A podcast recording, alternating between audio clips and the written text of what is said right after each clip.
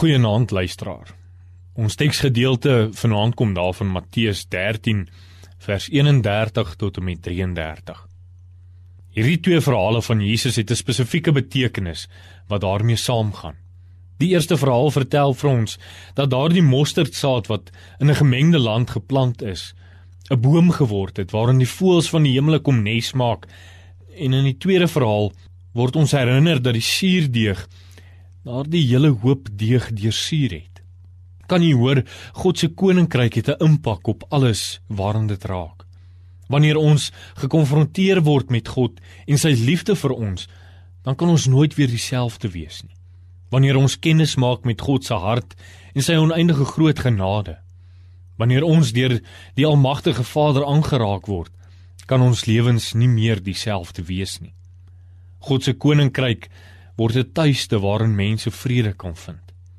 God se koninkryk deursuur almal soos wat suurdeeg deeg ook deursuur. Dit verander ons lewens vir ewig.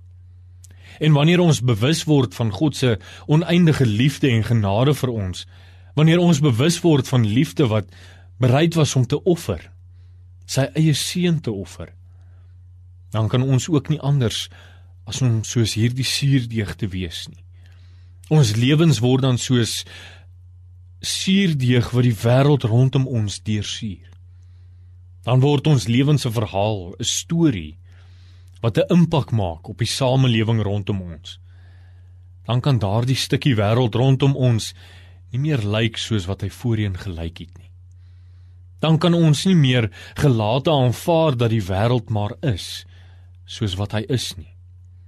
Dan moet ons lewens tog 'n impak hê. Ons lewensverhale moet tog dan 'n invloed hê op die mense rondom ons. Nou wil ek julle vanaand vra, hoe lyk jou storie? Hoe lyk jou lewensverhaal? Ons almal bou aan ons eie lewensverhale en die vraag is, het ons lewens 'n impak op die met wie ons daagliks te doen het? Het ons lewensverhale 'n impak op die mense met wie ons by die skool te doen het? In sportspanne waaraan ons behoort en ook die aktiwiteite waarmee ons besig is of selfs by die werk. Wat sien die mense om ons raak wanneer hulle ons lewensverhale lees?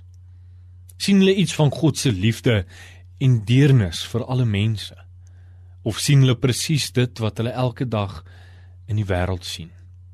Trek ons lewensverhale anders so in dat hulle deel word van God se verhaal.